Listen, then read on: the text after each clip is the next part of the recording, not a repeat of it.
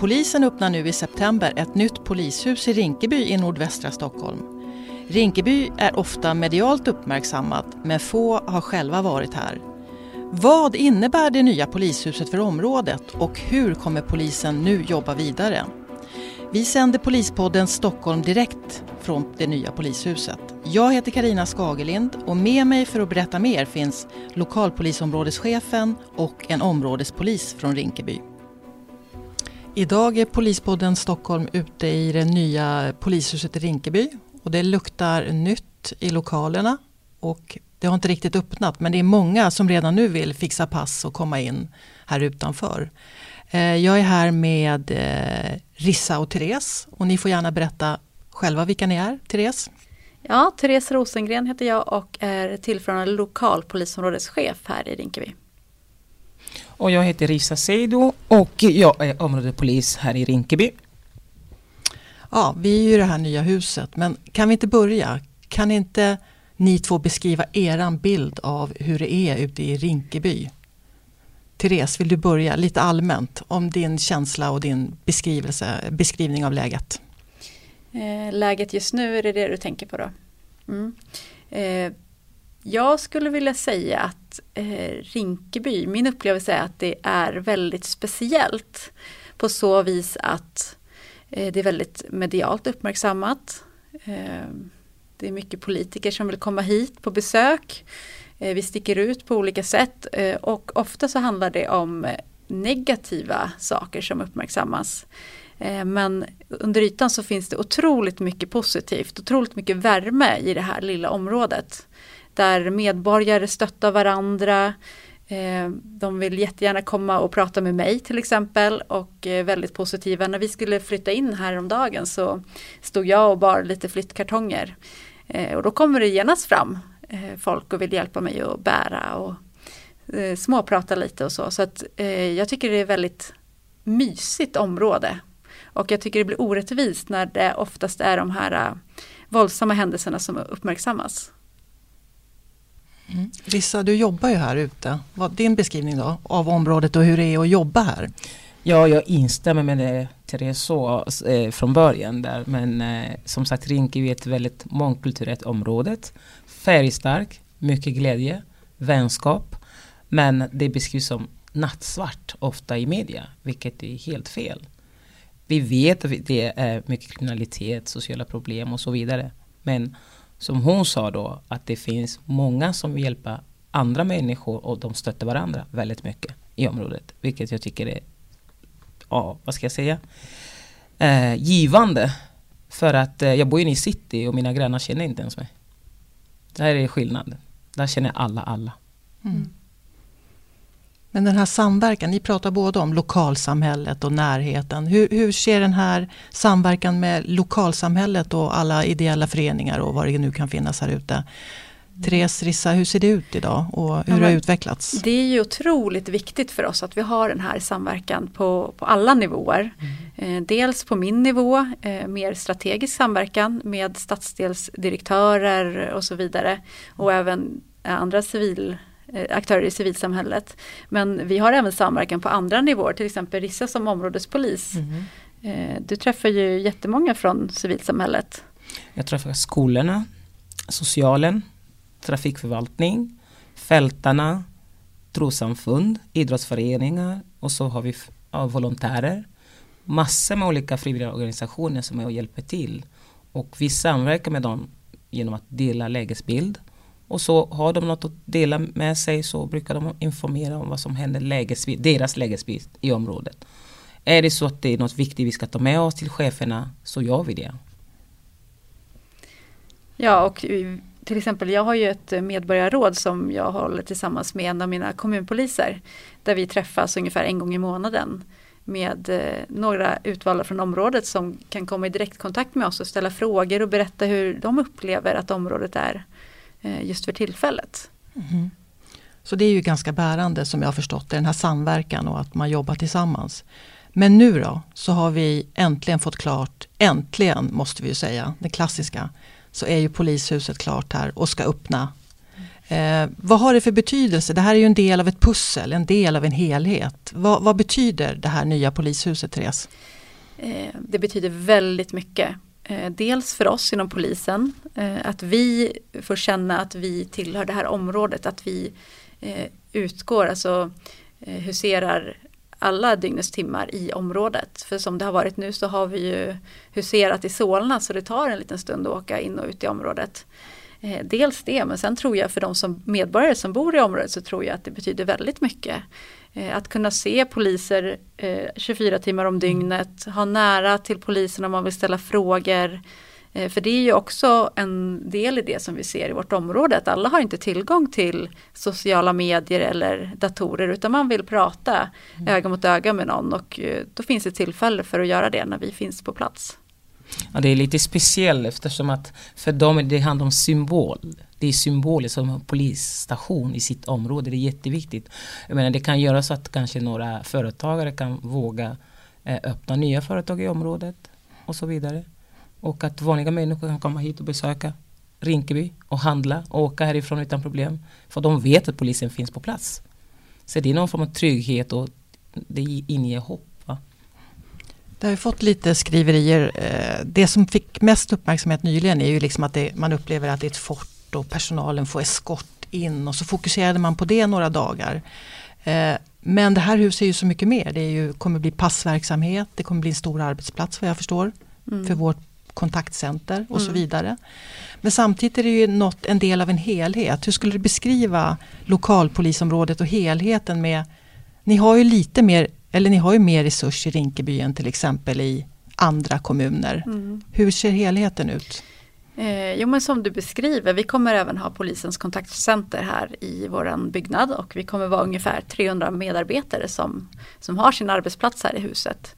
Eh, så det blir en stor arbetsplats eh, och det ger också många arbetstillfällen då vi har rekryterat många till polisens kontaktcenter eh, från det lokala området. Eh, men som du säger, vi har också utökad resurs på grund av den utsatthet som, som området befinner sig i. Eh, utan den extra resursen så skulle vi eh, nog inte riktigt mäkta med vårt uppdrag utan vi har resurs på plats i alla olika delar och då som jag sa tidigare i samverkan. Vi mäktar med att samverka fullt ut. Vi mäktar med att vara på plats ute på gatorna eh, alla timmar om dygnet. Eh, ja, men vi har tillräckligt resurs för att kunna utföra vårt uppdrag som vi har fått. Och det har skett under en rad år egentligen, den här ja. utökningen kan man säga. Ja, precis. Det, det nämns ju ofta i debatten där, särskilt utsatt område och vad det är. Det är ju Eh, det finns en definition på det som är lite ungefär ett område i Sverige som kännetecknas av social problematik och kriminell närvaro. Som har lett till en obenägenhet att delta i rättsprocessen och så vidare. Mm. Men för oss är det också ett sätt att öka resursen, att, att vi ska få mer resurs när vi eh, sätter den här etiketten då, som många kan vända sig emot. Hur märker du Rissa att du jobbar i ett särskilt utsatt område om du skulle beskriva? Ja, man märker av det för att vi lägger resurser mest på de grova brotten. Det gör vi ju. I city är det någon som kastar kanske någon skräp på marken, då böter man den personen. Men det gör inte vi här. Så att vi, vi, vi bortser från de små brotten och fokuserar på det grova brottet. Det märker man ju. Så det är en aspekt. Sen finns det också en annan aspekt att vi, vi har möjlighet att kunna bedriva polisområdeverksamhet och i BF som är också separat med andra LOPO har inte det. BF brottsförebyggande. Brott, exakt. Ja, precis. Ja, ja sorry. och, eh, det har inte andra polis, eh, lokalpolisområden, det har vi. Så det är en privilegium som vi har här ute. Så att allting går hand i hand. Att det finns folk dygnet runt. Som sagt områdespoliser, BF, IG, ingripande polis då om man får säga så. eh, utredarna, underrättelse. Så att vi, vi, vi, det är ett privilegium. Så att man märker att det, att det är verkligen utsatt område. För det har de inte i andra Lopo mm. som vi har det. Mm. Men jag tänkte på det här du säger med de grövsta brotten. Mm. Eh, tyvärr så tar det mycket kraft och resurser av oss för att mm. vi är väldigt utsatta och mm. vi har mycket grova våldsbrott i vårt område. Mm. Nu vill jag säga att det är en liten del av de som bor i området som, som utför de här brotten. En mm. väldigt, väldigt liten del. Eh, men den lilla klicken får väldigt mycket resurser av oss. Eh, under hösten nu så kommer vi fokusera på de särskilt utsatta brottsoffren också i vårt område. Mm. För att de kanske inte alltid hörs och syns, men de finns där, det vet vi. Så att eh, vi kommer att mäkta med att göra det också. Så jag vill säga att vi, det är också grova brott som andra utsätts för men de kanske inte hörs och syns lika mycket. Så att vi, vi behöver liksom se vidare förbi de här grova våldsbrotten i form av mord och skjutningar som, som vi har. Mm. Och även ägna oss, oss åt andra saker. Sen tror jag också att vi finns här kommer då leda till att fler och fler skulle vilja komma och prata med oss. Det kommer att hjälpa oss att utreda våra brott, kanske till och med lösa brott. Ja. För det vet jag av, av tidigare erfarenhet från Kista, där folk kommer in till polisstation jag menar, det är ingen som misstänker att du kommer dit för att prata med polisen och lämna information utan det kanske ska göra pass. Mm. Då kan man passa på att ställa en fråga hur är läget i området. Så de får den här kontakten mm. med direkta kontakten, det är jätteviktigt. Som ni märkte när ni kom hit så var det redan folk här ute som ville prata och söka kontakt med oss och vi har inte ens öppnat den. Eh, men det är lite det som jag märker här i Rinkeby att man vill ha kontakt. Man kanske inte vet hur man kommer i kontakt med polisen på internet eller mm telefonvägen utan man vill eh, ha fysisk kontakt och mm. se den man pratar med i ögonen. Mm. Och nu blir det som sagt lättare. Mm. Men om man tänker bara, ni, vi pratar mycket grova våldsbrott och det är ju såklart alltid det som var väldigt mycket uppmärksamhet. Du pratar särskilt utsatta brottsoffer och det mm. när man är utsatt i en relation av sin partner eller mm. någonting. Men brottsutvecklingen generellt i Rinkeby de senaste åren. Skulle ni kort kunna säga något? Är det liksom, man kan få intrycket av att det är en kurva rakt upp men hur ser det egentligen ut? Therese, har du? Ja, det, det kanske man kan få intrycket av och angående just skjutningar och eh, mord mordförsök så, mm. så är ju kurvan tyvärr uppåtgående. Men i de övriga brotten, om vi säger eh, den öppna narkotikascenen som vi har tampats med här i Rinkeby under en lång tid, den är i princip utslagen. Vi har inte narkotikaförsäljare som står på torget längre. Man kan inte ta tunnelbanan från en annan del i Stockholm och bara hoppa av här och köpa narkotika och sen åka vidare. För att förut var det så lättillgängligt. Mm. Eh, men det finns inte kvar längre för det har vi tillsammans med andra aktörer lyckats stävja och trycka bort. Mm. Samma att, med otryggheten i tunnelbanan. Nu kan man åka tunnelbana utan problem. Tidigare kan man inte, man blir påhoppad eller någon erbjuder en knark. Det finns inte. Så det känns tryggt. Mm. Och polis, man pratar mycket om att poliser slängde stenar och det var en del upplopp för ett par år sedan. Hur ser det ut idag? Är det mindre? Hur ser det ut? Alltså, senast vi hade ett våldsamt upplopp i vårt område det var i, i januari 2018 vill jag minnas. Mm. Eh, efter det så har det bara varit isolerade händelser som vi säger. Alltså att någon kanske tar en sten och kastar mot en polis eller det ja, kan vara andra saker också som händer men vi ser inte det i ett sammanhang. Vi ser inte det som att eh, det blir ett, en, ett våldsamt upplopp efter de händelserna utan det är mer en eh, yttring mot enstaka poliser eller patruller. Mm. Och vilket vi motverkar direkt, att vi går på de här individerna dagen efter. Mm. För vi vet vilka det är. Mm. Är de yngre så tar vi kontakt med socialen och föräldrarna. Och säger det. Din son kastade sten på oss igår. Och så pratar vi. Liksom, det, ja. det finns ofta direktkontakt. direkt man vet vilka det, de är. Det, det, ja. det, det, är det vi är till för. Det är det som gör Lopo Rinkeby så speciellt att vi har lokal kännedom, vi känner till de här ungdomarna, vi vet vilka det är, föräldrarna och vi får den här eh, förmånen att kunna hålla de här samtalen. Det gör inte, alltså, det, det skiljer sig lite från det polisiära, alltså det riktiga polisiära arbetet, men det blir en del av vårt arbete ändå. Det är mer socialt arbete. Vi bedriver det, det går in i brottsförebyggande arbetet.